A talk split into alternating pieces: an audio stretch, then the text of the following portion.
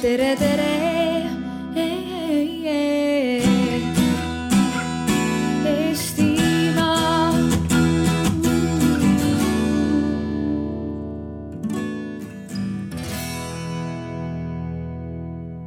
No nii, no nii, no nii. nüüd läheb lahti haridusala viimane arutelu sellel arvamusfestivalil. ja te olete tulnud arutelule Hea haridus on luksus. Kontrolli, kas oled õiges kohas, veel on võimalus, kas valida mõni teine ala. aga noh, mis oleks olulisem, kui olla siin on ju.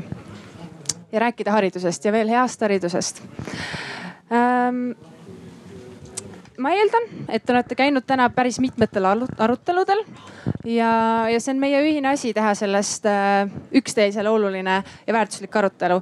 mina olen andnud äh, oma kaaskõnelejatele siin äh, idee, et äh, ma tahaks, et see oleks teie jaoks põnev äh,. ma loodan, et teie vastutate selle eest, et see oleks ka teie jaoks põnev et äh, praegu on see ebavõrdsus, et meie käes on mikrofonid ja nemad saavad küsida küsimusi, et enda jaoks põnevaks teha.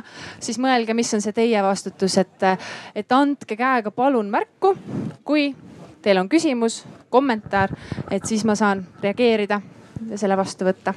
arutelu eesmärk on mõelda müütidele, mis meil on seot- äh,, seonduvad hea haridusega. mis on liigne luksus? kas hea haridus peaks kõigil olema? mis valikuid meil on ja ma olen kutsunud äh, endaga koos rääkima siia äh, neli koolijuhti, direktorit, kes siis äh, igapäevaselt on äh, põllul ja eelnevatest aruteludest tuli hästi välja, et, et kõik vastutus on koolijuhi õlgadele pandud. meil on siin mitu haridusala teemat käinud läbi, kus, kus siis on äh, öeldud, et see juhtimine on siin väga-väga oluline nii et teiega me täna arutame, ma tutvustan nüüd paneliste ka, et äh, siin on äh, Raino Liblik Tallinna Kuristikukoolist.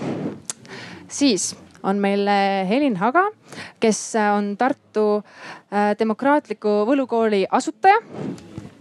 seejärel on meil siin äh, Heidi, Heidi Uuetalu, kes on äh, Kiviõli esimese Uustalu, kes on äh, Kiviõli esimese keskkooli äh, direktor ja, ja Grete-Stina Haaristo siis, kes on Anna Haava nimelise palakooli direktor. ja mina olen äh, Angel Ader äh,, Teede Stratlabi ähm, arutelujuht siin ja, ja lisaks ma ütlen siis ka selle fakti siia avalikult lauale, et ma olen äh, Anna Haava nimelise palakooli äh, inglise keele õpetaja. kui te mõtlesite, et aa, ma just kuulsin kuskil Anna Haava nimelise palakooli nime, siis see on tõsi äh,. siin on minu kooli direktor ja, ja ma luban, et ma üritan olla võimalikult mitte kallutatud äh, selle teema osas ja, ja võib-olla natuke nagu see õpetaja, kelle laps on tema klassis, et siis ta on eriti range tema vastu kuidagi või, või nagu ei taha olla üldse nagu, nagu noh, vähem nõudlik. nii et äh, vaatame, kuidas läheb, kui teil on tunne, et ma olen kuhugi poole kaldu, siis võite ka jälle kommenteerida, anda märku nagu stopp. vaatame üle asjad. hakkame pihta mm,. me teame, et Eesti hariduses äh, äh, on õpitulemused väga-väga head Äh, samas meil on küll teada fakt, et võib-olla see koolirõõm äh, iga õpilase ja õpetaja juures ei ole nii hea. ma ei tea, kuidas nüüd direktorite puhul on koolirõõmu osas. ja mu esimene küsimus teile on äh, miks meil Eestis on selline olukord, kus tulemuste poolest me oleme head, koolirõõmu poole, poolest ei ole. et mis teie tunne on, miks, miks meil on sihuke olukord praegu? ja ma annan võimaluse sellel, kellel tuleb see, kellel on kiirem mõtlemine, tahab reageerida võtta sealt maast. oi, vabandust. Ma tänan kõiki inimesi, kes laupäeva õhtul kell kuus arvavad veel, et, et hariduses on midagi nii põnevat rääkida. ja sellepärast ma, ma tahaks alustada üldse mitte nii tõsisel toonil, et me oleme koolis omakeskis ka rääkinud, et mis jama see on, et, et üldiselt läheb meil ju noh, Eestis summa summarum hästi ja õpitulemused on toredad, aga vaata õpilased on õnnetud ja.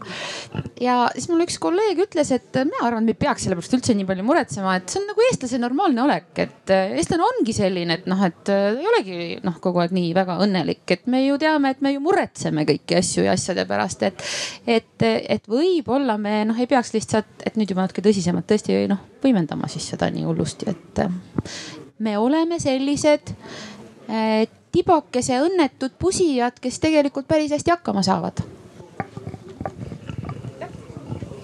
Kuulsin täna hoopis, et aga see on arusaadav, et me tegeleme hoopis ju luksuskaupade pakkumisega, et eks selle luksusega on ikka nii, et mõnele on ta kättesaadav ja mõnel ei ole, et kui kooli konteksti panna, siis mingid tulemused ja mingid näited on nagu väga head aga sellest tulenevalt, et need head on, siis järelikult kõigile võib-olla see luksuskaup ei ole ka nii hästi kättesaadav ja eks see tekitab ka aeg-ajalt sellist rahulolematust. aga loomulikult äh, rahulolematud me oleme ja, ja tänu sellele me oleme sinna jõudnud, kus me täna oleme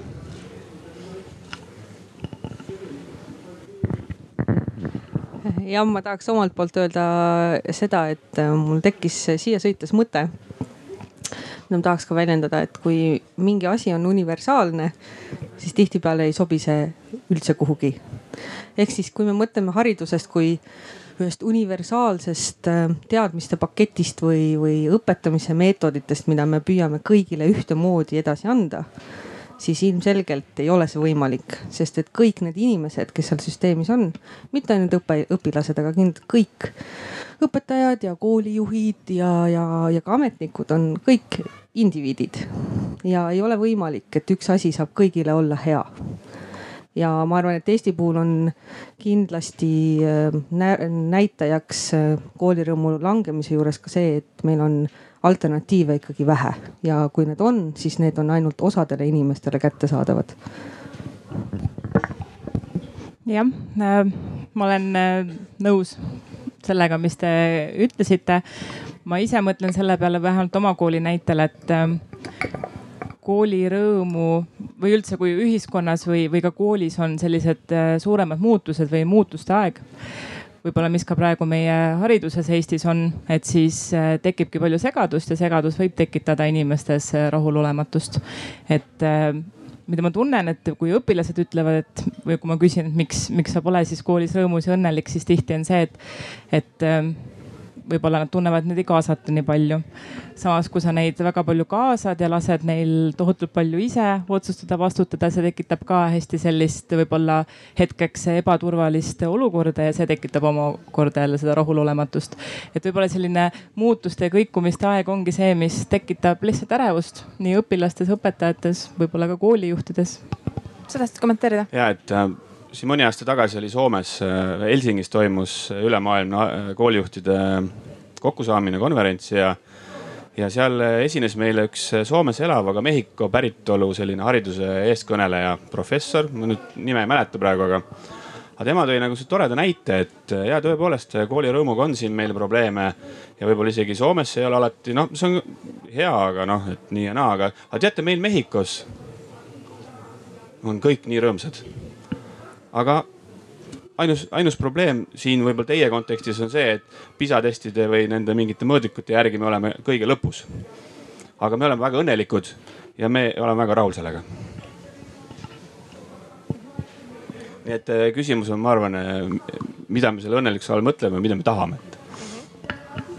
ja see on äh, väga õige või selles mõttes ma ise oleks või noh, küsingi järgmiseks seda veits, et vaatame sinna selle hea hariduse sisse rohkem. sina juba mainisid see universaalsus, et meil on ma arvan, mingid ideed, mis, milline see hea haridus võiks olla. et ehk te ütlete, noh ma võin tuua huvitava kooli poolt, mis, mis, kes on siis üks selle arutelu korraldajatest, kes on mõelnud, et hu, hu, hea haridus on see, kui, mis on pingutusrohke ja huvitav õpilasele ja selle tagamiseks me kaasame kogukonda, oleme, toetame professionaalset õpetajat ja meil on äh, toetav hindamine ja, ja ka õppekavad, et äh, nemad on toonud justkui välja siukest neli aspekti, mis võiks olla hea hariduse kriteeriumiks. Äh, ja mis tagab selle koolis. kuidas see teile kõlab, mida tahate lisada, mis see hea haridus teie mõttes on?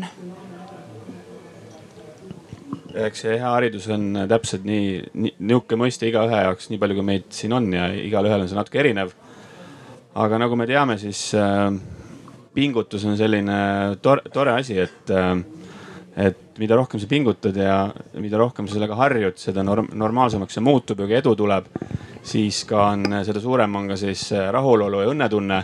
kui midagi hästi läks ja veel endaga hakkama said. eks siin võib-olla tuleks natuke vaadata sinna sisse, et äh, kust maalt alates ja miks see nii on, et äh, me võib-olla tahame öelda sageli, et äh, ja paljud meie kolleegid nagu näevad, et ega see kool ikka mingi nalja tegemise koht ka ei ole, et seal ikka tuleb korralikult õppida ja me oleme õppimiskalakuga kool ja, ja mis tilulilu te seal korraldate, onju.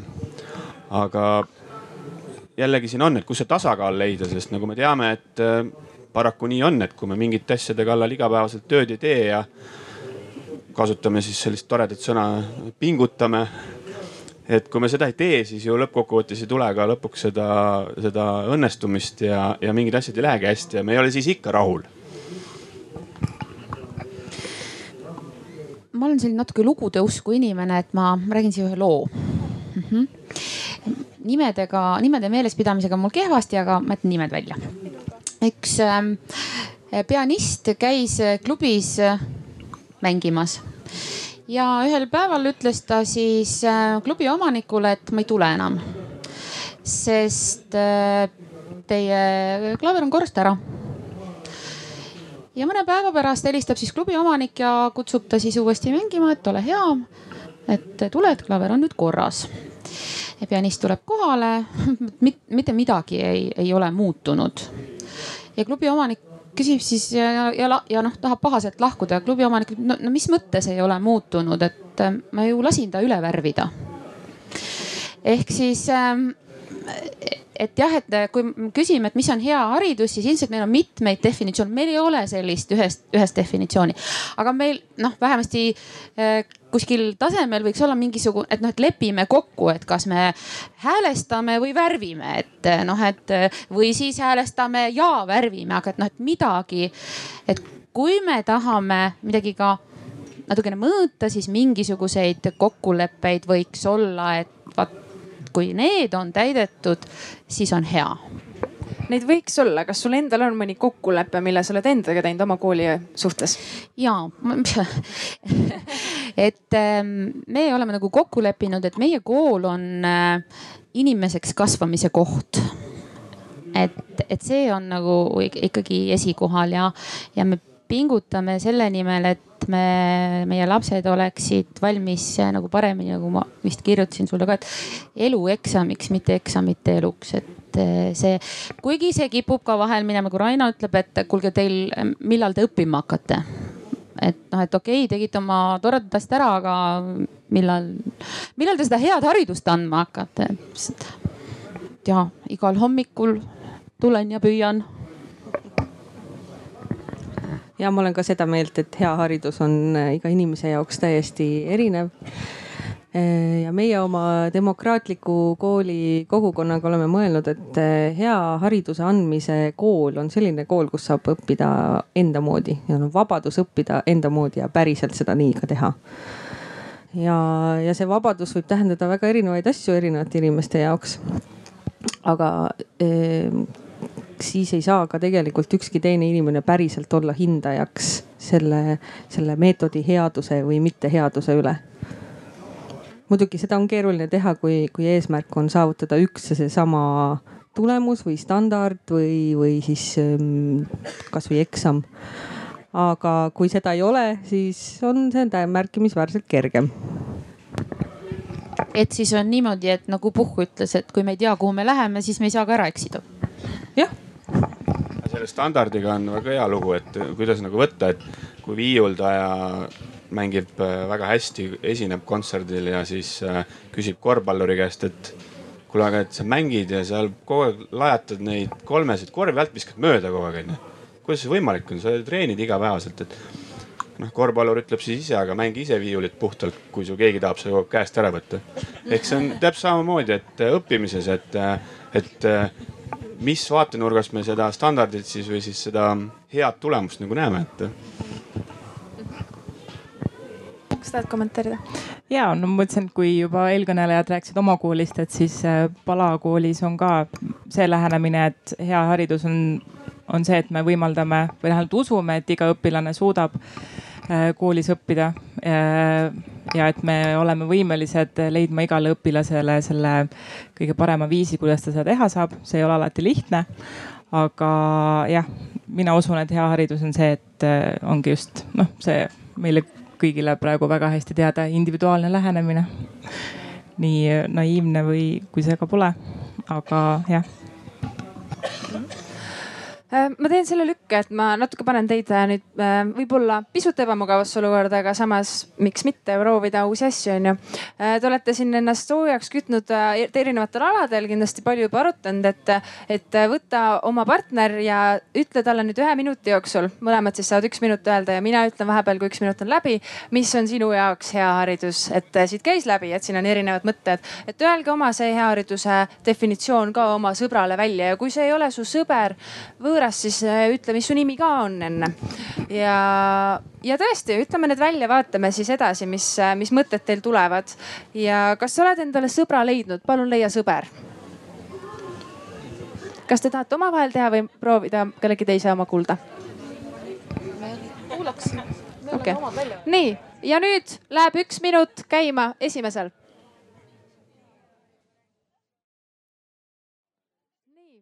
palun vaheta, et kuula teise oma ka. nii, tule arutelu juurde tagasi. täna oma kaaslast. ja ma võtaks äh, kolm kommentaari, mille te arutasite, mida tahaks visata siia äh, panelistidele mõtlemiseks, arutamiseks, et äh, võtaks kolm kommentaari. tõsta käsi, kui sa tahad öelda. Krist-, nii. Urmas Urmas siin seletas selle oma, oma visiooni heast haridusest. mina olen Krista Saadoja ja mina täiendasin teda, nii et Urmas, palun võtta sina esimesena ja siis ma kohe täiendan. et äh, iga asja headus sõltub eesmärgist, et me ei saa defineerida universaalset head, et iga asi peab olema õigel ajal, õiges kohas ja siis on ta hea. et kõik, mis on valel ajal, vales kohas, on prügi või saast. ja, ja Krista siis täiendas seda ja mina täiendan, meie tandem täiendab siis seda, et tegelikult hea haridus õpetab õppima ja, ja õpetab kasutama selliseid õpistrateegiaid, mis on minule täiesti kohased ja mida ma saan siis kasutada hiljem eh, enda täiendamisel, enda suuna valikul ja nii edasi. et see ongi hea haridus, aitäh. kas tahate kohe kommenteerida? kuulame kõik kolm, hästi. Äh, kes tahab veel kommenteerida?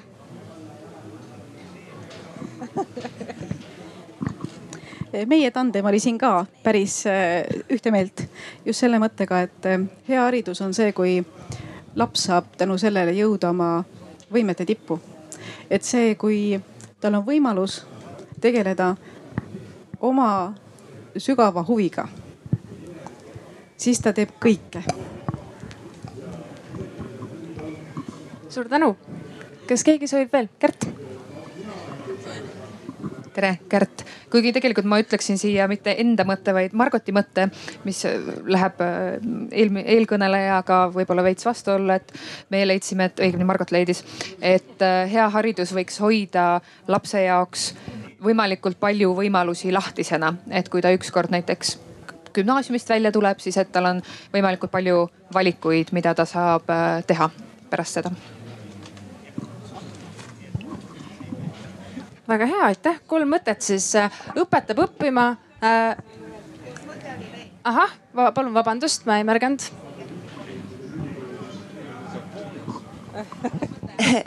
hea haridus on see, mida kunagine laps tahab mäletada eluaeg ja teistele edasi anda. hea haridus on Eestis see, kui siiamaani räägitakse Jaak Loonde koolkonnast ja kirjutatakse, kuidas ta täiesti ebapedagoogiliselt õpetas lapsed matemaatikat armastama ja tema vilistlased, tema lapsed tema viiekümnendal juubelil hõikasid üle kolmanda keskkooli saali. Jack on vana oinas, aga nendest oina hõikajatest tulid meie tolleaegse tipi IT kateedri tugevad juhid sest Jack oli nende jaoks olemas ja hoidis aus seda, et nõukogude ajal oli see Kusti poiste jaoks Kusti kool. hea haridus on see eh, nagu minul on au õppida olnud õpetaja raamatuga ja kui me kolmkümmend aastat hiljem kokku saame, siis me ütleme ikkagi, et kuidas raamat meid pani matat õppima. ta pani meid matat õppima. ja hea haridus on see, et kui kunagi Anna Tõrvandi kooli lapsed õppisid äärmiselt karmilt inglise keelt, sest nende õpetaja hilisem, oli hilisem Briti luuraja Roland Seth. siis kui need poisid neljakümne neljandal põgenesid, siis osad nendest õpetasid nõukogude ajal Sorbonnis. mitte prantsuse keelt, armsad inimesed, ja mitte inglise keelt. Sorbonnis eesti keelt ja neid õppijaid oli. aga see polnud üldse mingi luduvärk. teate, lahtised tindipotid lendasid seal koolis ja meie asi on saada olla sellised õpetajad, et meie õpilased kunagi ütleksid, ah sa poiss, kui ma tema tunnis seda tegin. no nii nagu, miks Tammsaare kirjutas Mauruse koolist, ju ta teadis. nii et see on hea haridus. aitäh.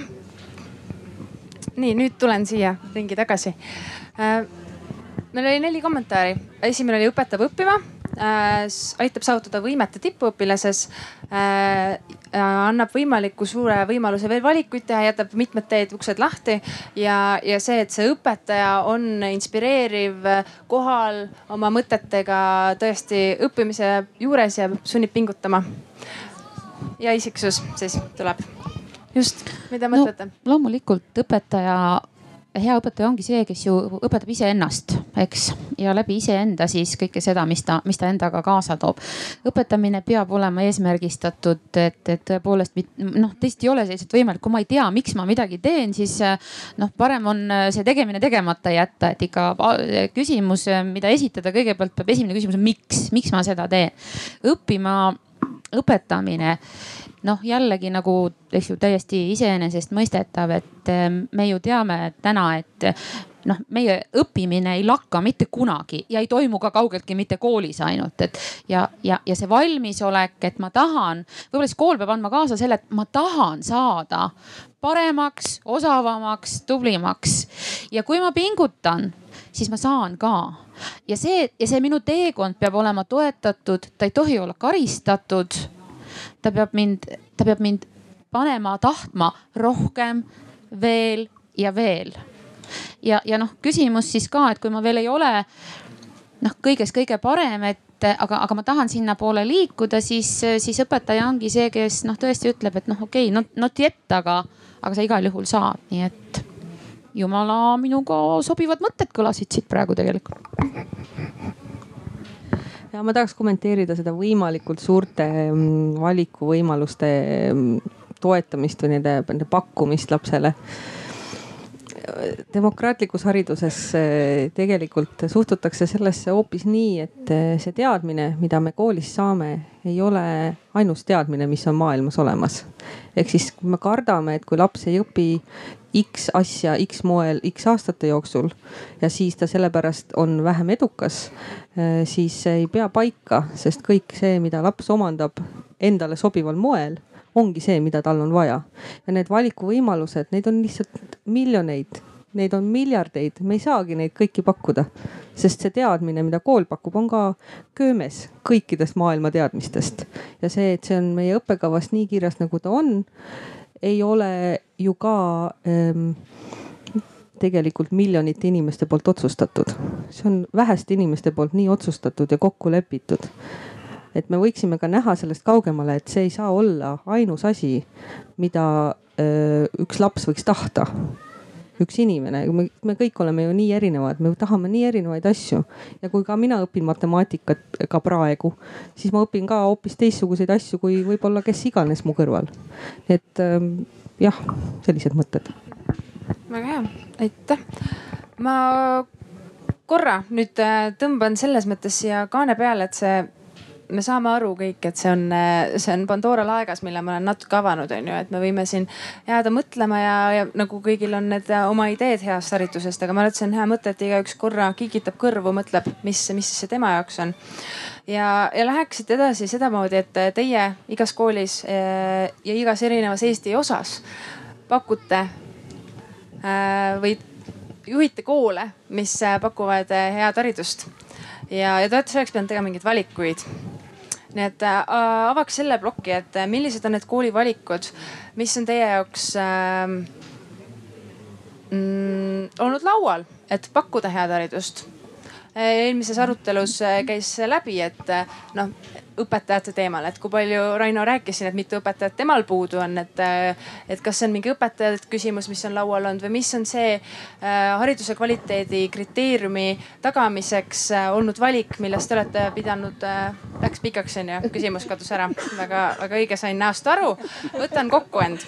ühesõnaga, mis on see valik, äh, mida sa oled oma piirkonnast lähtuvalt pidanud tegema, et pakkuda head haridust? üks asi on piirkond, et äh, kui siin mitmed uuringud nagu näitavad, et äh, Eestis ei ole nagu seda kihistumist, et äh, olenevalt, olenemata sotsiaalmajanduslikust taustast Eesti kõik koolid pakuvad head haridust.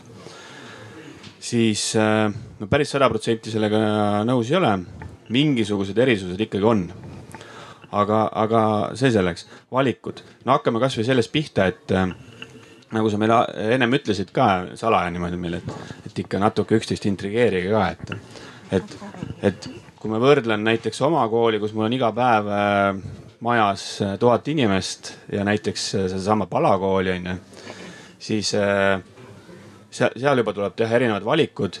et kui, kui sa rääkisid, et hästi personaliseerida ja hästi individualiseerida, siis äh, seda ju peaksime ka meie tegema ja, ja me kindlasti me seda ka teeme. aga kindlasti, kui te vähegi aru saate, sada ja tuhat, et siis seal tekivad mingisugused erisused selle personaliseerimisega. et mida see personaliseerimine üldse tähendab. et juba sellest lähtuvalt äh, tuleb panna, kus, kus need konkreetsed koolid asuvad. võib-olla kaugemad eesmärgid on meil kõik sarnased, aga et kus me asume, et et üks asub äh, Eesti suuruselt teises linnas ehk siis tegelikkuses äh, väga suures magalas äh, Lasnamäel. teine asub kauni Jõgevamaa metsade vahel, õige jah. siis juba tuleb sinna konteksti panna, et milline on see meie taustsüsteem ehk selles mõttes neid, neid kontekste, neid valikuid teha ikkagi tuleb väga selgelt lähtuda sellest kes me oleme, kus me asume ja mis me teeme. et äh, vastavalt sellele äh, saab juba edasi teha selliseid väiksemaid ja tehnilisi otsuseid, aga kui siin küsimus läks liiga pikaks, siis äh, iga detail on ju oluline. ei saa öelda, et äh, nüüd äh, üks valik on olulisem kui teine ja väga sageli on nii, et kui me teeme mingi õppekavaalase valiku või mingi muu valiku, siis kohe annab ja mõjutab kuskil midagi muud. pluss lisaks seda, et et äh, nagu me teame, siis koolis mingite valikute tegemisel on äh, väga, võivad olla väga pikad ja sügavad tagajärjed. Äh, olgu selleks siis rahutused, eelkõige õpilaste näol, kes on oluliselt konservatiivsemad kohati, kui seda on õpetajad. õpetajate puhul ja loomulikult, kui siin eelnevalt on ka välja tulnud, on niisugune meil tore, tore, tore seltskond, väljakutse mis on isegi võib-olla kõige suurem väljakutse eh, ja kõige suurem eh, valik. ehk kuidas nendega teha koostööd ja kuidas neid kaasata ja kuidas neid nii-öelda panna tundma, et eh, me teeme õiget asja, on lapsevanemad. et ma arvan, et kõik valikud on nagu olulised ma kordan küsimuse uuesti äh, igaks juhuks siis täpsemalt uuesti üle. et äh, milliseid äh, valikuid oled sa pidanud siis oma kooli äh, asukohast seonduvalt tegema, et pakkuda seal head haridust, mis on sinu laual? Ja ma arvan, et eh, kõigepealt peaks natukene avama tausta, et meil ei ole veel kooli, Tartu Demokraatlik Võlukool veel ei eksisteeri. me taotlesime eh, luba selleks eh, septembriks, seda me veel see aasta ei saanud. et me jätkame praegu kogukonnakeskusena ja järgmisel aastal tõenäoliselt proovime uuesti küll aga on meil juba saanud üsna selgeks, mida me tahame oma koolis pakkuda või millisena me näeme seda kooli ette üks äh, võib-olla suuremaid asju on tõepoolest see vabadus otsustada ise oma õppimisprotsessi üle, olla ise see enesejuhitud õppija. ja mäng on väga tähtis meie jaoks et nagu ka on meie, meie äh, hea äh, juht, vaimne juht Peter Gray kirjutanud oma raamatus Vabadus õppida, siis me seda raamatut oleme, oleme palju äh, lugenud ja tudeerinud ja sealt on saanud ka toetust sellele ideele, et äh, mängimine toimub meis igapäevaselt ja inimesed on äh, mängiv liik ja õppimine seetõttu ka toimub läbi mängu suuresti, et me soovime seda kindlasti pakkuda ja see on meile ruumide leidmisel olnud üsna suureks komistuskiviks, sest sellist, leida sellist ruumi, kus need lapsed, keda küll on ilmselt käputäis, pigem sinna paarikümne ringi, kes meil alustaksid. et leida selline ruum, mis sobiks neile kõigile ja ka nendele täiskasvanutele, kes seal tööle hakkaksid, on, on keeruline Tartu linnas. Tartu linn on üsnagi valmis omadega, et selliseid mahajäetud, veel arendamata nurgakesi, kuhu saaks midagi taolist teha, on, on keeruline leida, aga see ei ole ka võimatu, et me ikkagi endiselt jätkame neid otsinguid. ja no muidugi Äh, oluline on ka siiski pidada kinni õppekavast, et meil Eestis on kohustuslik äh, täita õppekava. aga me kindlasti leiame mooduse saada, saavutada need pädevused äh, omal moel, et ikkagi see vabaduse moment säiliks võimalikult palju. Aitäh. meie sõnastasime enda jaoks kunagi siis läbi ettevõtliku, läbi, läbi haridusprogrammi Ettevõtlik kool selle, et äh, mida me siis, äh, noh, miks'i me olime siis juba vist peaaegu et nagu välja mõelnud. ja ja see oli see, mis aitas meil ikkagi ära sõnastada selle, et mis see on, mida me teeme ja, ja, ja kuidas siis sinnapoole liikuda ja, ja õnneks on sellel kaasas ka selline ikkagi mõõdik, et me saame, me saame ennast aeg-ajalt kontrollida, et kas me, kas me liigume sinnapoole.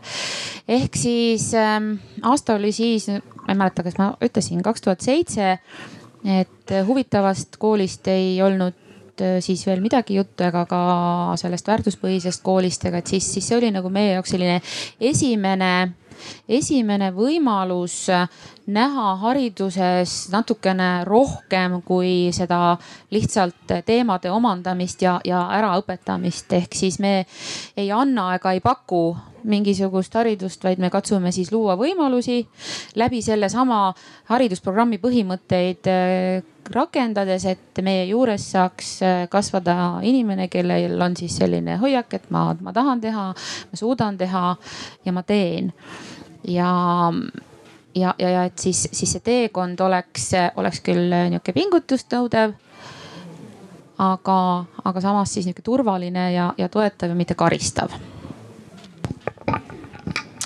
jah äh, valikute puhul üks asi, mis äh, kindlasti on, on see, et no nagu sa ütlesid, me oleme metsade sees, on ju, väike kool äh, selleks, et äh, lastel oleks äh, elus pärast kõik need valikud olemas, siis me peame meie koolis vähemalt need valikud tooma nendeni.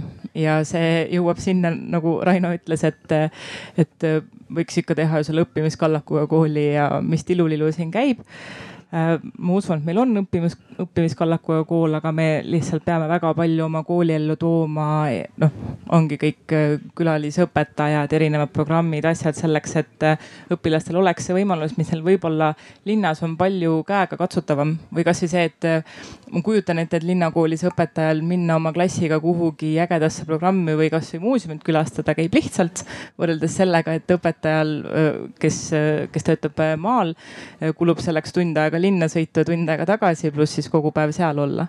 et võib-olla need on sellised valikud, et me peame oma kooli väga palju seda elu sisse tooma, ma usun, see rikastab seda õppimist. ja teine asi, mis võib-olla valikutega seostub, on see, et, et õpilastele me läheneme individuaalselt, aga koolijuhina ma tunnen, et ma ei saa õpetajatele läheneda individuaalselt äh, nii palju, kui ma tahaks. Ähm, mis äh, eelkõige taandub just sinna raha küsimusse, et äh, ma olen seda meelt, et, et raha ei ole kõige tähtsam, aga, aga mõned asjad äh, jäävad sinna raha taha kinni, et, et kui tulebki tore noor õpetaja ja alustav õpetaja tahaks talle teha erisusi, siis ma pean seda paratamatult tegema oma väga pädevate, heade vanemate õpetajate arvelt. et see on ka võib-olla selline asi, mis väikses koolis on, on, on need valikud, mis me peame tegema koolijuhil üks äh, peamine väljakutse ongi ju, mida me igapäevaselt teeme ja ma arvan, me teeme iga päev neid võib-olla isegi sadu. ongi need valikud. Äh, alati saab teha nii või naa, aga, aga mingi valik tuleb teha ja teinekord tuleb teha seda kohe ja kiirelt. kasvõi tavaline mingi juhtum õpilasega, mingi probleemi lahendus, nii edasi. et eh, eks see suuresti meie töö olegi, et eh, neid, neid valikuid tuleb teha, vahest on aega mõnda valikut teha pikalt, aastaid, aasta. Teinekord tuleb teha hoobilt eh, sekunditega, nii et see meie töö ongi. et võima-, kas need on head valikud, vahest on head, vahest ebaõnnestud. aga mida rohkem, mida rohkem kogemust ja mida rohkem haritust, ma usun, et siis need valikud tulevad võimalikud nii head, kui vähegi võimalik. aga nagu selles mõttes vaatame edasi veidikene Gretastina seda, sa ütlesid, et no lihtsalt selles mõttes, et see, kas maakoolis hariduse andmine on äh, luksus, kui meie pealkiri ütleb hea haridus on luksus, et, et me võime seda ju siis öelda, et maakoolis andmine on luksus. mis, mis sa arvad, mida sa oled äh, mõelnud selles osas? um, kui niimoodi hästi mustvalgelt läheneda ja nii-öelda Exceli tabeli põhjal, siis jaa, maakoolis hea hariduse andmine kindlasti on luksus. aga ma ei tea, ma ise ei taha niimoodi mõelda selles mõttes, et ma usun, et, et eh, hariduse andmine, eriti veel noh, nii väikses riigis nagu Eesti, meil ei ole muud maavara kui haridus siis, äh, siis me ei saa vaadata haridust kui, kui luksust. et, ähm, et üldse ei tahaks, et need asjad taanduvad kuidagi raha taha või et või et on kurb, kui kohalik omavalitsus peab tegema mingisugused äh, valikud, et muidugi KOV saab väga palju ise ju määrata, suunata ja meil ka kohalik omavalitsus lisab väga palju raha selleks, et me saaksime seda väga head haridust äh, koolides pakkuda. aga jah, tahaks, et see oleks lihtsam, tahaks, et, et, et ma ei peaks tundma aeg-ajalt end justkui süüdi, et oi kui palju, ma ei tea, meie kool kulutab võib-olla ühe õpilase peale raha võrreldes suure kooliga.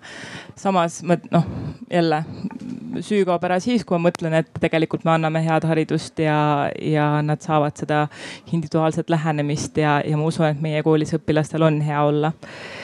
et ähm, jah keegi võib nüüd siit jätkata äh, ma ei tea, sama küsimus sulle, et äh, kas Kiviõlis äh, hea hariduse andmine on luksus, kaup õpilastele või, või on see põhinorm? ma võtab kohe nagu ohkama, et mul mul kipub ikka niimoodi olema vahel, et äh, mul nagu head mõtted tulevad kakskümmend neli tundi hiljem ja mul pole hullupööra head vastust sellele, et noh, mis mul nagu esimesena pähe plahvatab, et noh, et igal juhul ei tohi olla hea haridus mingi luksuskaup, ta peab olema mm, sinna peab, võrdsed võimalused peavad olema selleks, eks. aga ma ei tea, et kas, kas, kas see kas see võrdne on alati õiglane, vot me oleme praegu siis ähm, seal oma kodukohas, no nad ütlevad mulle mõned tuttavad koolijuhid, et, et äh, noh, et sellises depressiivses väikelinnas noh, ongi elu selline ja siis verised.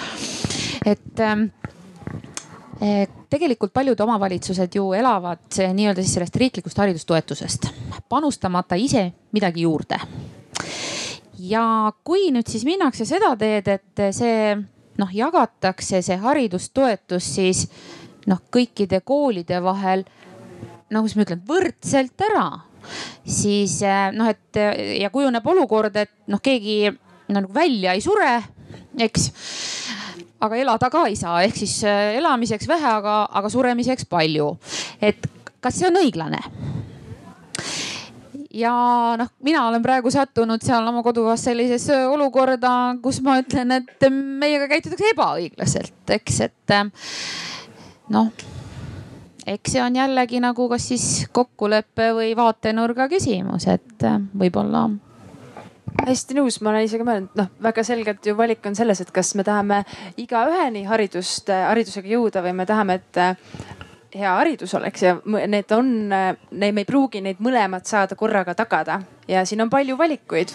Ja, ja praegu ma näen, et sa oled äh, täitsa, ongi see, et tahetakse anda kõigile head, on ju, aga kas see siis on jälle seesama universaalsuse küsimus. ma ei tea, kas see kõigile hea tähendab siis seda, et kõigile võrdselt noh, et, et rahapott jaotatakse nagu lihtsalt äh, noh, nagu ma ütlesin, et elus, et elus hoidmiseks, et noh, et kas see on hea õiglane ei ole ta kindlasti mitte, aga kas ta ka midagi head tagab, et kui, kui sul ikkagi arendamise ruumi enam väga ei jää, noh et sul noh elad ainult, et kas see on siis nagu ainuke funktsioon, kas siis on hea? et kas see peab tulema selle hinnaga või tuleb ikkagi natukene vaadata ka seda, et noh, et äkki saab ma ei taha kasutada see sõna optimeerimine on nii õudne, aga et noh, et umbes seda ma ikka tegelikult mõtlen, et noh, natukene saab ikka tõmmata koomale ka mm. -hmm. Raino, sa tahtsid ka kommenteerida? ma arvan, see on üle-eestiline probleem, et äh, alati on vähe. alati on vähe ja kui me räägime siin mõnest suurest linnast, siis äh, kui vaadata protsenti eelarvest haridusse, siis äh, äh, nii mõnelgi ja võib-olla enamustel omavalitsustel on see oluliselt kõrgem kui linnades Ehm, aga see selleks, et äh, ma arvan, et äh, hea haridus äh, ei tohiks olla luksus ja, ja hariduse õigus on ju meie kõigi põhiõigus seda head haridust saada. siis mingil määral me ikkagi tahaks öelda, et me kipume nägema haridust ja kooli ainukesena paralleelis et kui me vaatame natuke laiemalt ja kuidas me ise kujunenud oleme, siis kindlasti, koolil on väga oluline roll ja koolil on äh, väga tähtis roll meie edasisel, edasisel haridusteel ja nii edasi. aga me ei saa ju ära unustada, et äh, ja ma arvan, et nii mõnegi puhul on oluliselt olulisem roll olnud midagi muud. olgu selleks äh, mõni huviala, mis on temast kujundanud selle, kes me täna oleme. olgu selleks loomulikult isegi tegelikkuses kõige olulisem, milline on ikkagi see kodune taust ja, ja kui, kui siin ju ka näitab seda täna Eestis, et kui siin ühe, ühel arutelul küsiti, et kas Eestis on sellist kihistumist, siis äh, väga ei ole, aga siiski äh,, kui ma nüüd ei eksi, siis professor Lauristin tõi välja, et äh, mingil määral on kindlasti edukamad täna need, kellel on äh, seda hariduslikku, kultuurilist äh, Äh, tausta rohkem ja seda energiat äh, toimetada siin ja seal ja rööprähelda igal pool. ja eks see lõpuks avaldub ju ka laste peal. kui ikkagi pere suudab pakkuda kogu seda kultuurilist ja majanduslikku äh, tuge, siis ja me ju koolis näeme seda, et see avaldub ka õpilaste motiveeritusel, õppeedukusel rohkemal või vähemal määral ehk äh, hea haridus on terviklik ja, ja kool on, ma arvan, et sellest ainult üks osa ja ma tahaksin äh, väga nõustuda sellega, et tõepoolest äh, hea haridus ei, ei seisne ainult hariduse omandamises väga heas koolis või et selles, et kui inimene käib koolis, kus pakutakse lihtsalt mingisuguseid võimalusi, mis tema hinnangul annavad talle suurepärase hariduse, et elu on üks suur tervik ja, ja me õpime igal sammul alates hetkest, kui me üles ärkame aga mulle väga meeldis minu kolleegi Margiti mõte, et hea haridus tõepoolest ongi luksus, kui me läheme, läheneme selle nurga alt, et iga inimene ise valib, mida ta soovib oma elult ja kuidas ta seda oma haridusteed juhib. et kui see on nii individuaalne, siis äh, on väga raske kulusid optimeerida. täiesti nõus. mind huvitaks äh, see, millised koolid, me küll rääkisime sealt tõesti haridus äh, üks osa on ainult kool. Millised koolid on teile kui koolijuhtidele iidoliks? kuhu poole teie tahaksite areneda, et näete, et neil on olemas mingid asjad, mida teie võib-olla ei ole saanud endale lubada on see siis äh, koolipsühholoog, mida meie koolis näiteks praegu ei ole, on see siis, äh, ma ei tea, rohkem õpetajaid, et äh, on teil mõni iidolkool Eestis näiteks? ja me, mul üks on, et see on Kuristiku gümnaasium ma ei saaks nii öelda, et see oleks vale, kui me lähtuksime mingist väga kindlast koolist. täpselt iga asi, kui siin korra eelnevalt välja tuli, on omal ajal ja omas kontekstis parim. jah, oluline on äh, avatus ja oluline on äh, käia ringi ja vaadata, äh, mida teised teevad. loomulikult täna on väga palju põnevaid tegevusi ja sa võidki minna nii-öelda hulluks nendest, kuna asju on nii palju siis jällegi jõuame sinna valikute juurde, mingi valik tuleb teha, mis sinu konteksti sobib. kas sellel aastal teen seda või teen järgmine aasta, vaatan, kuidas tähtede seis on kuidas äh, personali hetkeolukord on, äh, mis toimub, milline on äh, muud seisud seal. et et oluline on ollagi avatud ja käia lahtiste silmadega ringi, sest igalt poolt erinevatest riikidest sa leiad midagi, mis sobiks sinu kooli. ja kui see käid ära seal kuskil äh, ja sa isegi kohe võib-olla ei reageeri sellele või näed, et äh, see praegu ei lähe kaubaks, aga mõne aasta pärast võib-olla läheb. ja, ja kui Eestis, ma arvan, ma olen käinud Eestis päris paljudes koolides, et äh, ma arvu ei oska siin öelda, kindlasti on see tugevalt üle saja. siis äh, igal koolil on mingi asi, mis inspireerib. aga samamoodi on väga oluline käia erinevates riikides, erinevates koolides ka Eestimaa peal kahjuks. saades aru, et see, mis seal on, seda me nii ei tee kunagi. ja, ja see on jama. seda me ei aktsepteeri. ehk on ka oluline näha just äh, nendest nii-öelda jutumärkides hiidlakoolidest äh, seda, mida meie kindlasti ei taha, et meil nii oleks meie puhul on tegelikult vastus ilmselt väga lihtne, sest Eestis on hetkel ainult üks demokraatlikult toimiv kool ja see on Sänna leiutajate külakool. Ja mulle väga meeldib ka nende mõte, et nii tore on, et nad on metsade vahel, sest metsade vahel on nii lihtne demokraatlik kool olla. jah, me, me väga igatseme ka metsa oma, oma Tartusse. hästi. Tähtvere parki ei saa teha ei, mul ei ole iidolkooli ja ma vist isegi ei tahaks, et, et oleks, et nende iidolitega võib ju minna nii, et äh, ühel hetkel sa ei ole enam iidol.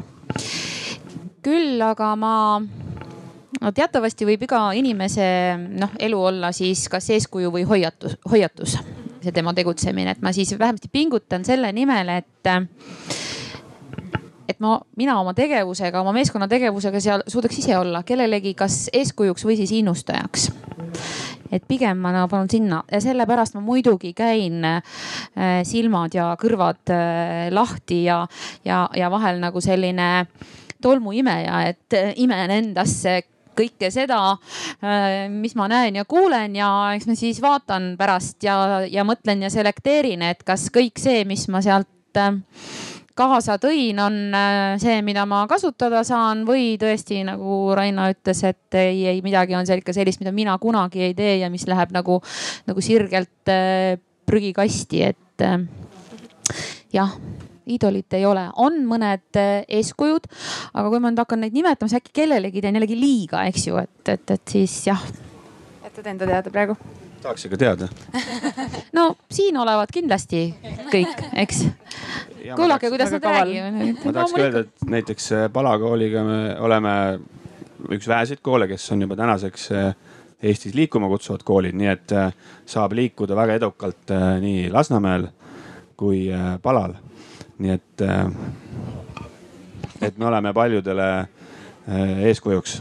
ja kindlasti, aga jah, ega meil ka otseselt võib-olla iidolkooli või ühtegi sellist ideaalkooli, mille järgi ma ei tea, üks-ühele maha võtta ei ole, et äh, kindlasti iga kool tahabki olla erinägu ja, ja ma arvan, et see, see on väga hea, sest lapsevanemal peab ka olema äh, mitmeid valikuid.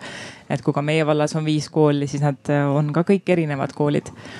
Aga Äh, jah, selles mõttes, et, et aga on olemas ju mingi ideaal, mille poole pürgida ja, ja kindlasti see on see, et olla võimalikult äh, avatud ka ise äh, nii külalistele kui ka erinevatele ettevõtmistele ja hoida just seda head sidet nii kogukonnaga kui, kui ka laiema ringiga. Ma annan märku, et ma küsin ühe küsimuse selle ploki lõpuks veel koolivalikud hariduses teemal, et siis teil on aega natuke siin seedida, mõelda, et mis on see kommentaar või mõte, mida te tõesti tahate ka veel siia sisse tuua.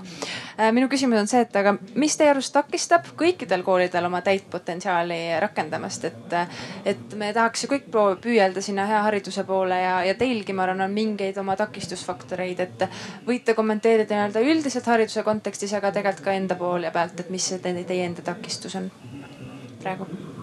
ma arvan, et kõige suurem äh, inimkonna probleem on laiskus. et alati saab ju rohkem teha ja alati saab ju teha teisiti, aga, aga sage, sageli kuskilt tuleb võib-olla, kas siis energialimiit saab otsa. aga üks äh, suur võib-olla takistus. kelle laiskus nagu, kas me kõigi. nagu, et ikkagi, ikkagi sina koolijuhina, mina õpetajana. alati saaks rohkem laiskus. teha, et mm -hmm. aga eks õpetajad saaks ka teha teisiti või rohkem, et aga see selleks, et võib-olla ma arvan, sellised ikkagi hoiakud ja väärtused, et äh, eks need on sageli need, mis äh, pärsivad või takistavad sellist muutust. ja me teame, et kool on väga konservatiivne ja, ja nagu ma siin ennem ka ütlesin, et äh, vahe, vahest tundub, et need õpilased, eriti gümnasistid on just kõige konservatiivsemad. Nemad on harjunud kogu aeg nii ja, ja nii peab ka olema ja mis mõttes sa võtad selle koolikella ära, no see ei ole võimalik noh. Et äh, ilma ei ole lihtsalt võimalik elada, onju, et noh, see on lihtsalt üks näide onju, et äh, et need harjumused on visad inimestel ju kaduma ja muutuma ja sa võid seda rääkida ette-taha nii palju kui, et pikapeale võib-olla see isegi läheb õnneks, aga, aga ma arvan, et just need harjumused, väärtused ja hoiakud on äh, ühed suurimad äh, nii-öelda takistavad tegurid meil, et, et jah, me võime öelda, et eelarvet on vähe või seda on vähe ja õpetajaid ei ole ja nii, et äh, aga kõike saab teha. võib-olla ei saa nii palju teha, kui sa kuskil ideaalis näed, ideaali pole ju olemas. aga, aga midagi saab alati teha, et laiskus, laiskus, hoiakud, väärtused ja harjumused jäid praegu siit kõlama, mida veel? Heidi. Lähen konkreetselt praegu natukene sinna meie piirkonda äh,, Ida-Virumaale. et äh, tegelikult on üheks selliseks äh, takistavaks äh, teguriks seal sellise kahe erineva keele ja kultuuri nagu ühine arusaam ähm, noh, mida nad väärtustavad.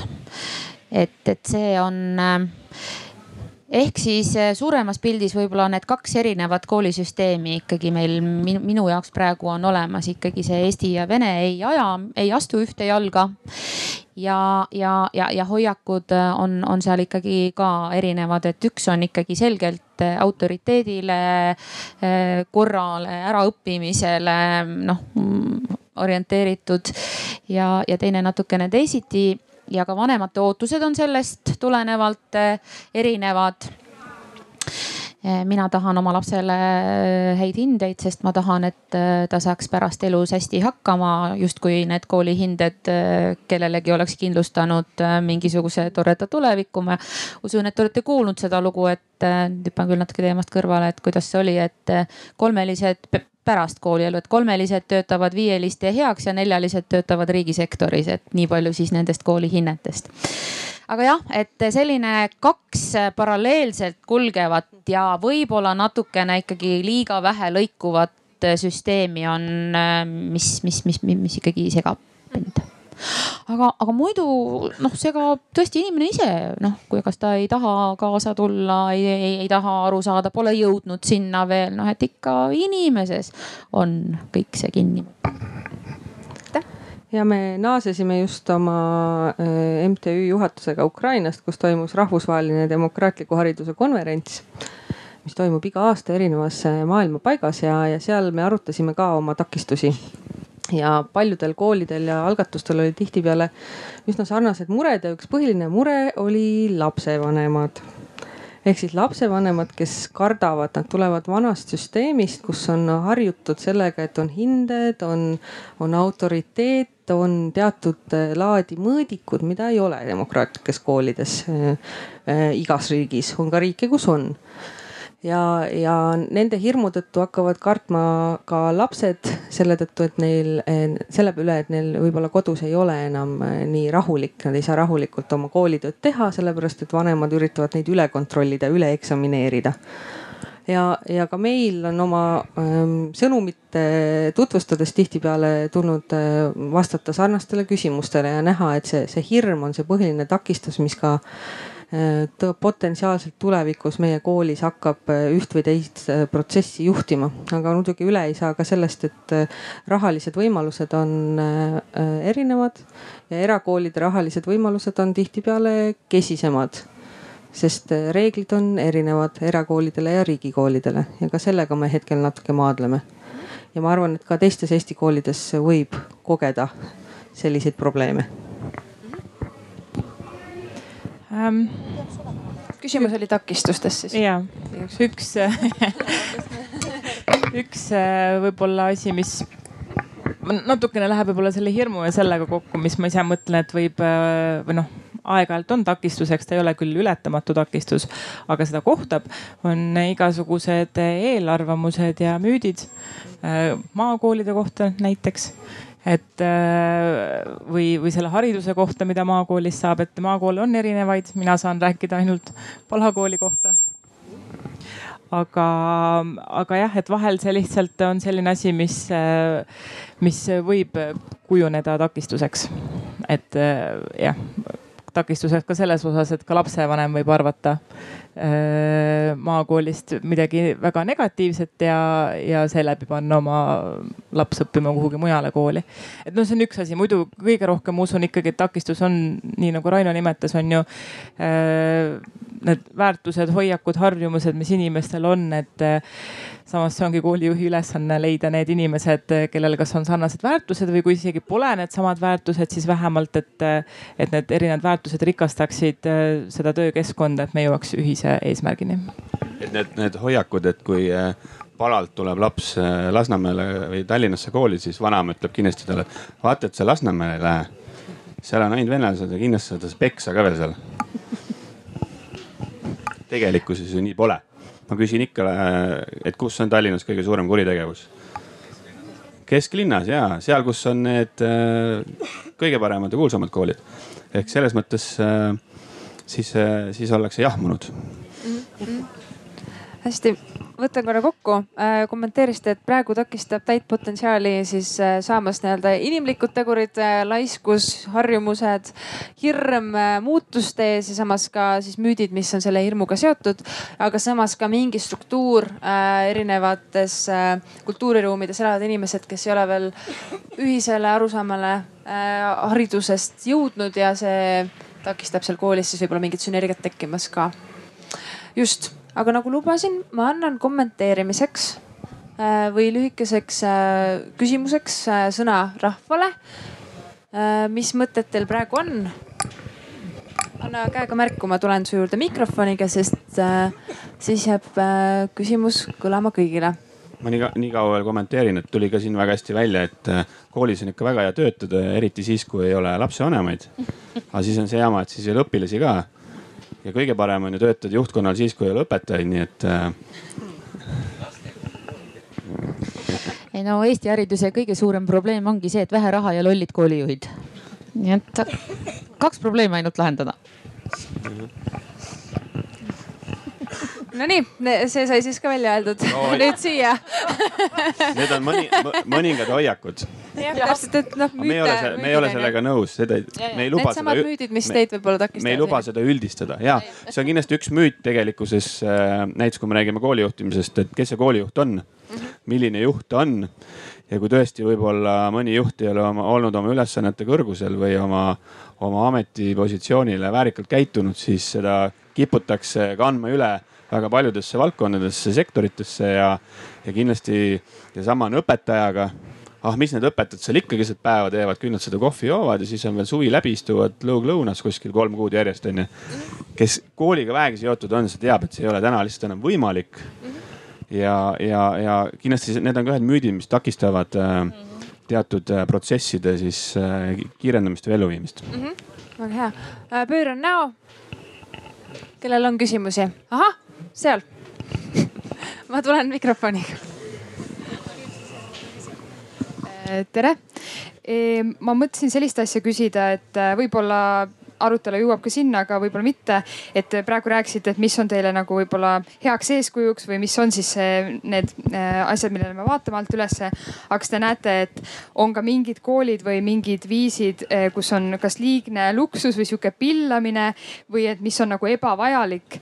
et noh, kuni selleni välja, noh vahepeal öeldakse kriitikaks, et me tihti paneme hästi palju ressurssi nagu sellisele infrale ja nagu mingitele asjadele. et umbes, et meil on tabletid, aga see sisu on ikkagi see, mida me kümme aastat tagasi õpetasime. et võib-olla sinna auku, et kui on, et kas te näete? nimesid, koolinimesid ei pea nimetama, pigem nagu näiteid, et mis on teie arvates üleliia. kui meil tableteid ei oleks, on ju, kuidas siis äh, selle teemaga üldse tegeleda, meil peavad olema need vahendid, et üldse midagi nagu muutuks, et kui me räägime digi, digi kasutamisest Eesti koolis, siis seal on meil veel suur arenguruum, et lihtsalt need üksikud näited ja tundub, et, et tullakse väljaspoolt vaatama, et oh, te ei istugi kakskümmend neli tundi või terve koolipäeva seal arvutis, et, et seal on, sinnamaani on meil veel ikkagi väga-väga pikk maa minna, aga et läks meelest ära, ma tahtsin midagi olulisemat veel öelda. okei okay,, keegi teine kommenteerib, kas on kuskil liigset luksust või pillamist märgata? koolis. koolis. liigset luksust. me vist Need on nagu noh, kaks äh, täiesti äh, vastandpunkti, et ma, ma ei tea. mul tuli, meelde, et, äh, et kool kool on ju, me oleme tööturul, kui me nüüd jätame õpilased selle kõrvale töötajate koha pealt, me oleme täpselt samasugune organisatsioon kui kõik teised ettevõtted Eestis. ja kui me räägime näiteks, äh, ma ei oska nüüd siin äh, Kiviõli või Pala siis äh, seda töökeskkondi nagu iseloomustada, millised näiteks kontoribürooned seal on, nagu me teame, siis milliseid hooneid näiteks Tallinnasse ehitatakse. Need on ülimalt modernsed, kaasaegsed töökeskkonnad rääkimata sellest, et seal on neil mingid puhkenurgad, vaikusenurgad, saunad, mängualad töötajatele. meil on arenguruumi. siis niisuguseid bürohooneid on, te olete kindlasti isegi näete, mõni paistab kaugele välja. Ja samal ajal me oleme tööturul konkurendid äh, värbamise osas. et miks seesama, olgu see siis matemaatik, peaks tulema kooli tööle ta tuleb tööle kooli, kus äh, vetsus vesi endiselt jookseb kogu aeg ja ja, ja viimati värviti võib-olla mingit nurka seal äh, kolmkümmend aastat tagasi ehk kiviaja keskkonda. ja siis me peame konkureerima kaasaegsete töötingimustega ehk luksusest on asi väga kaugel.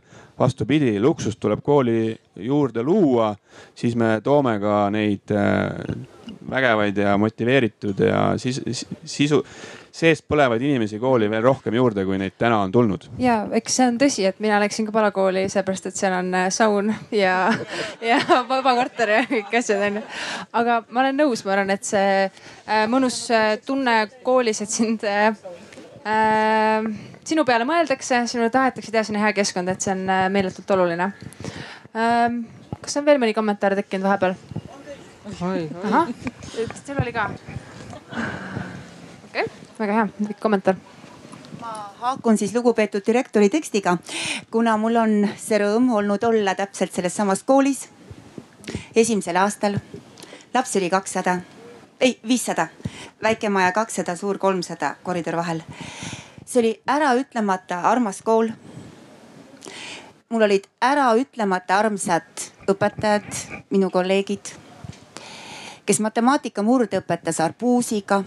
õppealajuhataja kohutavaks õuduseks kasutas noh, niisugust matkanoa taolist nuga, et arbuus pooleks lüüa. terve klass teadis, mis on üks kahendik ja mis on üks kahendik. Eesti keele õpetaja mängis kitarri, jälle õppealajuhataja, direktori asetäitja kohutavaks õuduseks. aga siis oli selles samas koolis mitte üle viiesaja lapse ja need lapsed armastasid seda kooli. nii et praegu me oleme Tallinnas olukorras, kus meie koolid on ülerahvastatud, üle rahvastatud ja me ei saaks seda olukorda endale lubada, sest Eesti Vabariigi algusaegadel võeti hariduspoliitiline otsus. me ei ole nii rikas riik, et me saaksime endale lubada vaest ja inetut haridust. võtke näiteks Tallinnas Ristiku tänaval Ristiku põhikool kui ilus see kool oli, laps läks ilu sisse. ja me peame seda uuesti taotlema, aga teie kooli või minu endise kooli algusest veel see, et esimesel aastal tegid lapsed. Pole kunagi nii vähe õpilasi olnud. Eh, see vist oli es... see kool, kes meiega liideti või? ei, ei, ei täpselt, no mul on au seda teada, aga test oli selles, et kõikide trepikojast koridori minevate uste käepidemed krutisid kaheksanda klassi poisid ära, nad olid üle Lasnamäe igalt poolt kokku pandud. ja siis oli ukse käepide oli mõnel ägedal poisil niimoodi noh taskus, aga direktor kandis seda kummipaela otsas pintsaku hõlma all ja tal oli tõesti kogu aeg valik, kas ta avab need uksed nüüd kääriotstega või selle ukselingiga. aga lapsed tegid testi nendele õpetajatele, kes lastele meeldisid tegid nad ise uksed lahti see on lastetest, olgu neid teil ja. hästi palju, siis te saate väga headeks. hästi, aitäh. aitäh. kas sul on mõte, oli sama, tahad juurde lisada? ei sama mõte täpselt ma kommenteeriks ka, et ma olen äh, selles samas Ristiku koolis ka ise töötanud, et millest juttu oli, et ja ise ma olen, äh, on küll jah, et miljööväärtus on selle nimi, et ma olen ise mõisakoolis äh, põhihariduse omandanud. Aga mulle tuleb äh, pedagoogika mm, õpingutest meelde Lembit Andresen, äh, kes on õpetaja, et see nimi ei vaja nagu väga pikka tutvustamist. tema ütles, et äh, see hoone ei ole ju tegelikult number üks, et hea kooli teeb professor ja raamatukogu, et raamatukogu on siis see tekst, millega töötatakse, et minu nagu noh, vastavalt teemale, et hea haridus on luksus, et eh, kas tänapäeva kool äkki kaldub sellest põhi nagu Äh, asjast eemale, et fookus on nagu ilusatel hoonetel, mis on oluline, aga tegelikult hea hariduse juures on ju tekst ehk siis see sõnaline pool. et, et kuidas, kuidas on lood tänases koolis selle sõnalise tööga, et hästi palju pildimaterjali tuleb arvutitega sisse ja tahvlitega ja igasugused puutetundlikud tahvlid on ja et, et meie, meil oli väga tore selline professor nagu Marju Lepa ja et soovitan kõigil kuulata, miks haridus on püha. et, et, et see on väga hea loeng saadaval Raadio Ööülikoolis ja tema rõhutas just seda sõnalist poolt, et teksti ja sõnaga tuleb hästi palju tööd teha, ükskõik mis valdkonnas sa tahad pädevust, pädevust saavutada, et, et, et küsimus siis debat siin ma ei tunne, Rainot ma tunnen, ma olen kunagi laagris käinud Rainoga koos, aga, aga, aga küsimus, et äh, kuidas teie hindate Eesti kooli sellist äh, sõnalist poolt, et, et äkki äkki on aeg võib-olla tagasi minna, mitte edasi minna nende tehnoloogiliste lahendustega? Väga anname mõtteks äh, siia ja ma äh, annan võimaluse näiteks kellelgi teisel alustada seekord. Raino, sa saad just äh, tuttavana nagu viimasena öelda oma mõtte ehk teiselt poolt, Grete ähm,. ma ei tea, Palakoolis on äh, sõnadega hästi me räägime palju, me vestleme, arut-, arutleme ähm,. sellegipoolest ma usun, et äh, et need äh, digivahendid ei ole ka äh, nüüd nii kurjad ja halvad, et, et seal on olemas mingisugune väga ilus tasakaal, äh, mis võib-olla, mida kõik koolid võib-olla ei ole veel leidnud. et meie ei ole seda leidnud just selle poolest, et meil on liiga vähe kogu seda digiasja tegelikult ausalt. et oleme võib-olla isegi ajast ja arust aga on kindlasti neid koole, kus on võib-olla see ka üle paisutatud.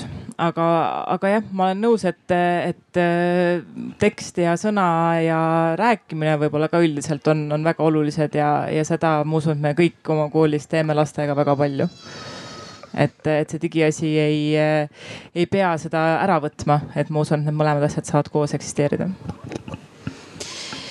jah, ma, ma ei tea, kas seda on piisavalt ja, ja kas seda võiks olla rohkem, aga kindlasti me võib-olla mitte päris kõik meie hulgast, aga, aga suur hulk meist ehm, viib lastele seda sõnumit, et eh, see, see digimaailm on, on infomürast, on infomüra. Eh, raamat seevastu on noh, nagu selline kindel, ta on juba, ütleme, see müra on sealt välja selekteeritud, on selline nagu kindla peale minek, et kui sul on võimalik Äh, valida raamatut, äh, vali raamat, vali see sõna, mis, mis on juba kirjas ja mis on äh, kontrolli nii-öelda läbinud ja mürast puhastatud. ja, ja mulle tundub, et meil on siiski raamatukogu ka nagu päriselt on nagu au sees, et ja, ja on ka, on ka kujunenud õppimise kohaks, mitte ainult noh, et kust käiakse võtmas äh, raamatuid, kui keegi sunnib midagi läbi lugema, vaid et äh, kus reaalselt äh, kogunetakse õppima noh, nii tunni ajal kui ka peale seda, et kindlasti saaks alati paremini, aga me igal juhul öö, töötame selle nimel, et noh, et kui on võimalik, siis tõesti on tore raamatu juurde pöörduda. Mina olen veendunud, et vahendis ei ole küsimus et ei ole tähtsust, mis vahendit kasutab õpilane, inimene selleks, et omandada mis iganes teadmine, kas see on eh, tahvelarvuti, kas on raamat, kas on teine inimene, kas on olukord, mis iganes, ma ei suuda kõiki neid variante isegi lauale tuua, sest ma ei tea kõiki neid võimalikke versioone. ja kangesti tuleb pähe mõte, et ähm, versioon üks punkt null täiskasvanud ei suuda tegelikult mõista mismoodi õpib versioon kolm punkt null õpilane. et me võime mõelda, et eh, meie tahaksime, et ta teeks seda nii, aga tegelikult ei ole see võimalik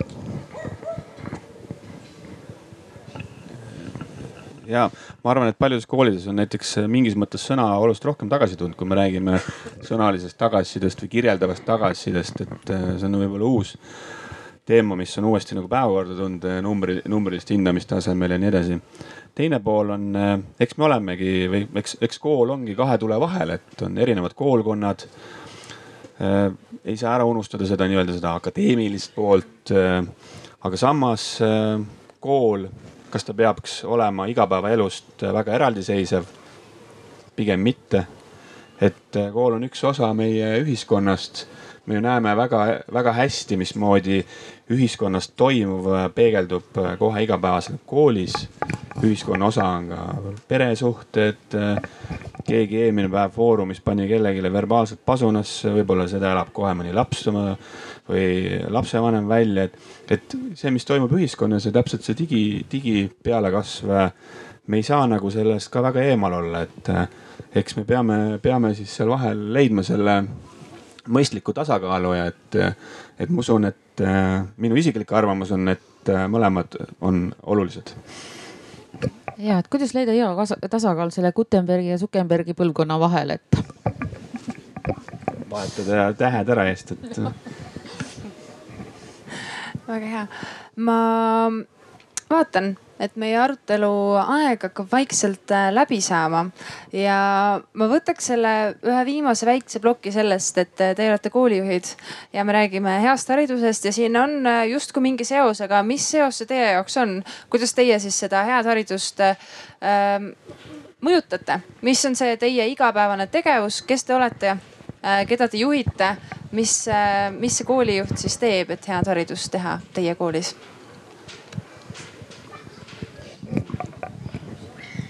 No koolijuht, ähm, mina näen ennast kui võimaluste looja siis äh, nendele tegijatele, ütleme siis nii, et äh, minu ülesanne on äh, ikkagi nii-öelda professionaalse kapitaliga seda, seda mm, täita seda, seda ruumi, mis, mis seal on, et, et, et, et see, see on kindlasti esmane. Ja minu teine väga suur roll, milles ma ennast näen, on Äh, suhtekorraldaja et äh, kui ähm, mida, mida, mida rohkem seda tööd teen, seda rohkem mulle tundub, et, et see on nagu kõige tähtsam, et äh, kommunikatsioon ja, ja suhted äh, oleksid nagu korras nii majas sees kui majast väljas. et siis need on jah, et võimaluste looja tegijatele. professionaalse kapitali, ma ei tea, tootja on nagu tobe öelda, aga toetaja siis või. ja suhtekorraldaja sa võtsid lihtsalt minu sõnad praegu ära. sellepärast ma ütlesingi esimesena ma sain aru ja no see, see, et ma olen suhtekorraldaja, seda ma olen aru saanud, noh, mul on, ma olen küll koolijuht ainult kaks aastat olnud. aga seda ma olen niimoodi poolnaljaga alati kõigile öelnud, kui nad küsivad, mida sa teed siis, et mida sa koolijuhi või mida sa igapäevaselt teed, et ma olengi suhtekorraldaja. aga, aga jah, täpselt see võimaluste looja ja see, et, et tegelikult olen mina ju see infopunkt nende erinevate osapoolte vahel, et, et meil on äh, õpilased, kes tahaksid käia rõõmuga koolis, meil on õpetajad, kes tahaksid äh, teha oma professionaalset tööd, meil on lapsevanemad, kellel on väga kõrged ootused, et mina olen see lüli kõikide nende osapoolte vahel, meil on kohalik omavalitsus, kes tahab ka, et, et, et meie vallas oleks head koolid, hea kvaliteet. et mina lihtsalt olen see punkt seal vahel, et, et ma ei ole kellestki kõrgemal, ma usun, et koostöös kõikide nende erinevate osapooltega me saamegi teha selle hea kooli ja, ja pakkuda seda head haridust. Ja niimoodi, et, et me ei peaks mõtlema selle peale, et see on luksus ma olen siin natuke kimbatuses, eks, kuna meie kooli veel ametlikult ei eksisteeri.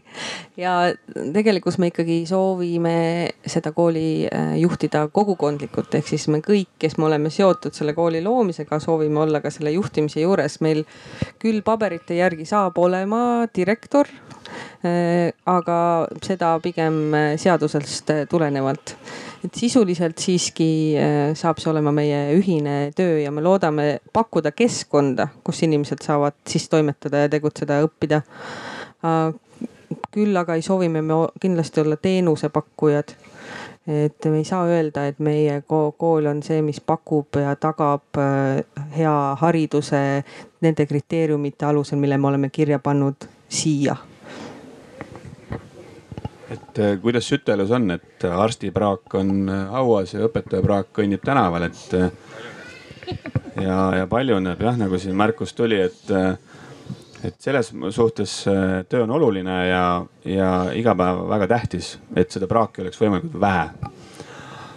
muideks, mis ma igapäevaselt teen, et mul on seitse lehekülge ametijuhendit et nüüd ma kuulsin, et tuttaval kolleegidel pidi olema kaheksa lehekülge. et ülesandeid on, ülesandeid on väga palju.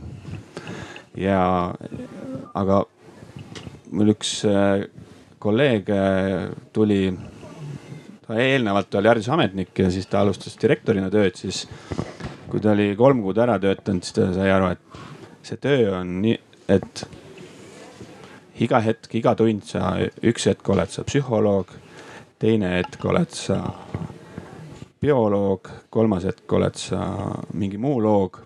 nii et äh, need, mis siin ka eelnevalt välja kõlasid, eks need on need põhilised igapäevased äh, teemad, aga et, et äh, üldjuhina neid teemasid on igapäevaselt äh, väga palju, aga olgu selleks suhtekorraldus või psühholoogi töö, et võib-olla need on kaks olulist, kõige olulisemad minu jaoks. Mm, jah, mul on äh, kõigi nende tegemiste juures ma olen enda jaoks äh, sellise testküsimuse äh, noh, mida ma siis enda käest küsin aeg-ajalt, kui ma kahtlen, et kas, kas seda rada pidi peaks edasi minema või kas me seda peaks tegema. ja siis ma esitan endale küsimuse, et kas ma seda oma lapsele tahaksin. ja kui mulle tundub, et jaa, ma tahaksin, siis äh, ma lähen selle mõttega edasi.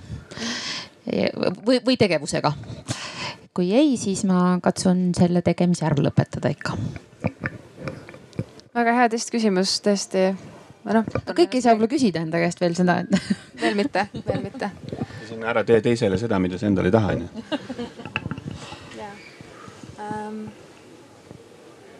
Ja minu jaoks jäid siit äh, arutelust täna kõlama see, et ähm, me tahame igaühele oma koolis anda head haridust ja teeme seda oma ähm, keskkonnast, oma inimestest lähtuvalt ja, ja seejuures on just see oluline, et me teeks sellest lähtuvalt, et me ei ürita mingit muud äh, seda laste mängu asi, vaata, kus on vaja panna kolmnurgakujuline kolmnurga sisse, mitte kuhugi ringi sisse, et aru saada, kus sa oled äh,. kes on su inimesed ja neile parimat teha mm ja tundus, et teie jaoks oli väide vähemalt sama, et teie ei taha, et Eestis oleks haridus luksus. et see on ikkagi mingi põhiõigus pigem teie mõttes, et äh, sinna, see jäi meil ka kõlama siit. Ähm, sa tahad vaielda?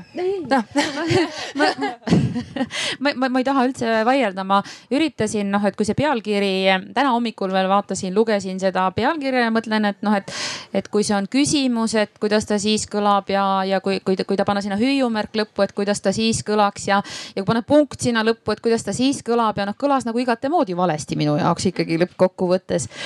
ja, ja eile kirjutas minu tütre abikaasa, kes üldse pole haridusinimene, noh nagu nii lühidalt ja nii selle, nii hästi selle, et, et, et ta noh, kõigepealt ta ütles, et see, seda noh, nagu see tulebki sõnastada põhimõtteliselt nagu eitusena. ja, ja ta kirjutas selle mulle nii ilusasti üles, ma, ma lubasin talle, et ma õpin selle pähe ja kui mul täna tekib võimalus, siis ma noh, ütlen selle ära, et, et, et, et see hea haridus peaks siis olema võrdset võrdsete võimaluste ja võimestatuse ähm, eel alus, issand, näed, ei suutnud ikka lõpu pähe õppida. aga et noh, et, tegelikult see, see mõte oli noh, nagu väga hea, et jaa, võrdsed võimalused ja võimestatuse eelsoodumus. Oh väga hea, vau, ma tahaks ka plaksutada nagu sellest, et keegi võttis väga hästi kokku selle arutelu. ilma, et oleks siin olnud ja mind ei olekski vaja olnud, aga, aga ähm, mul on hea meel, et äh, te olete sellele mõelnud ka oma lähedastega ja see on võib-olla see hea küsimus, et äh, teie ka minge arutage, mis teised arvavad, kas see on siis äh, norm või mitte. sul on üks kommentaar, võtame ühe viimase lühikese kommentaari ja siis ma teen selle lõpu et nii nagu sa Heidi siin ütlesid, et, et te analüüsisite läbi, mis asi on siis hea haridus, siis mina võtsin ette õigekeelsus sõnaraamatu ja vaatasin, mida tähendab õigekeelsus sõnaraamatu järgi sõna luksus.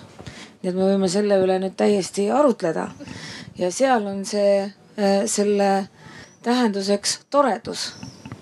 See tähendab seda, et me võime öelda ka niimoodi, et kas hea haridus on toredus ja, ja samas, et äh, mis asi on luksuslik kool, mis asi on tore kool ja, ja tegelikult ma ütlen, mina, kes ma tegelen hästi palju aineteüleste või aine, aineühendustega hästi palju õpetajatega olen kokku puutunud, siis ma ütleks, et luksus on omada head kollektiivi, kes jagab kokkulepitud väärtusi ja viib nad praktikas ellu. ja teiseks ta suudab selle õpilastele täpselt samamoodi selgeks teha, et, et need väärtused, mida me oleme oma koolis kokku leppinud, need jõuavad ka sinna edaspidi ellu ja, ja õppetöösse sisse. kõik, aitäh. nii et jäägu meile toredus ka alles. toredus võib küll jääda. absoluutselt, aitäh, Krista. ja haridusala lõpetab tänaseks ja me oleme tõesti käinud läbi äh, lasteaiast äh, kõrghariduseni äh, need kaks päeva. ja, ja minul on hea meel, et sihuke võib-olla üldisem haridusteema jäi siia lõppu, et noh, mis me siis tahame, kuidas me liigume, mis need valikud siin on. ja, ja seepärast on mul just hea meel, et need neli inimest olid valmis tulema täna äh, laupäeva õhtul äh, siia äh, viimasel hetkel või viimasel õhtul siis arutama et äh, suur tänu teile, et te kaasa mõtlesite. aitäh, teeme, paneme kõik käed kokku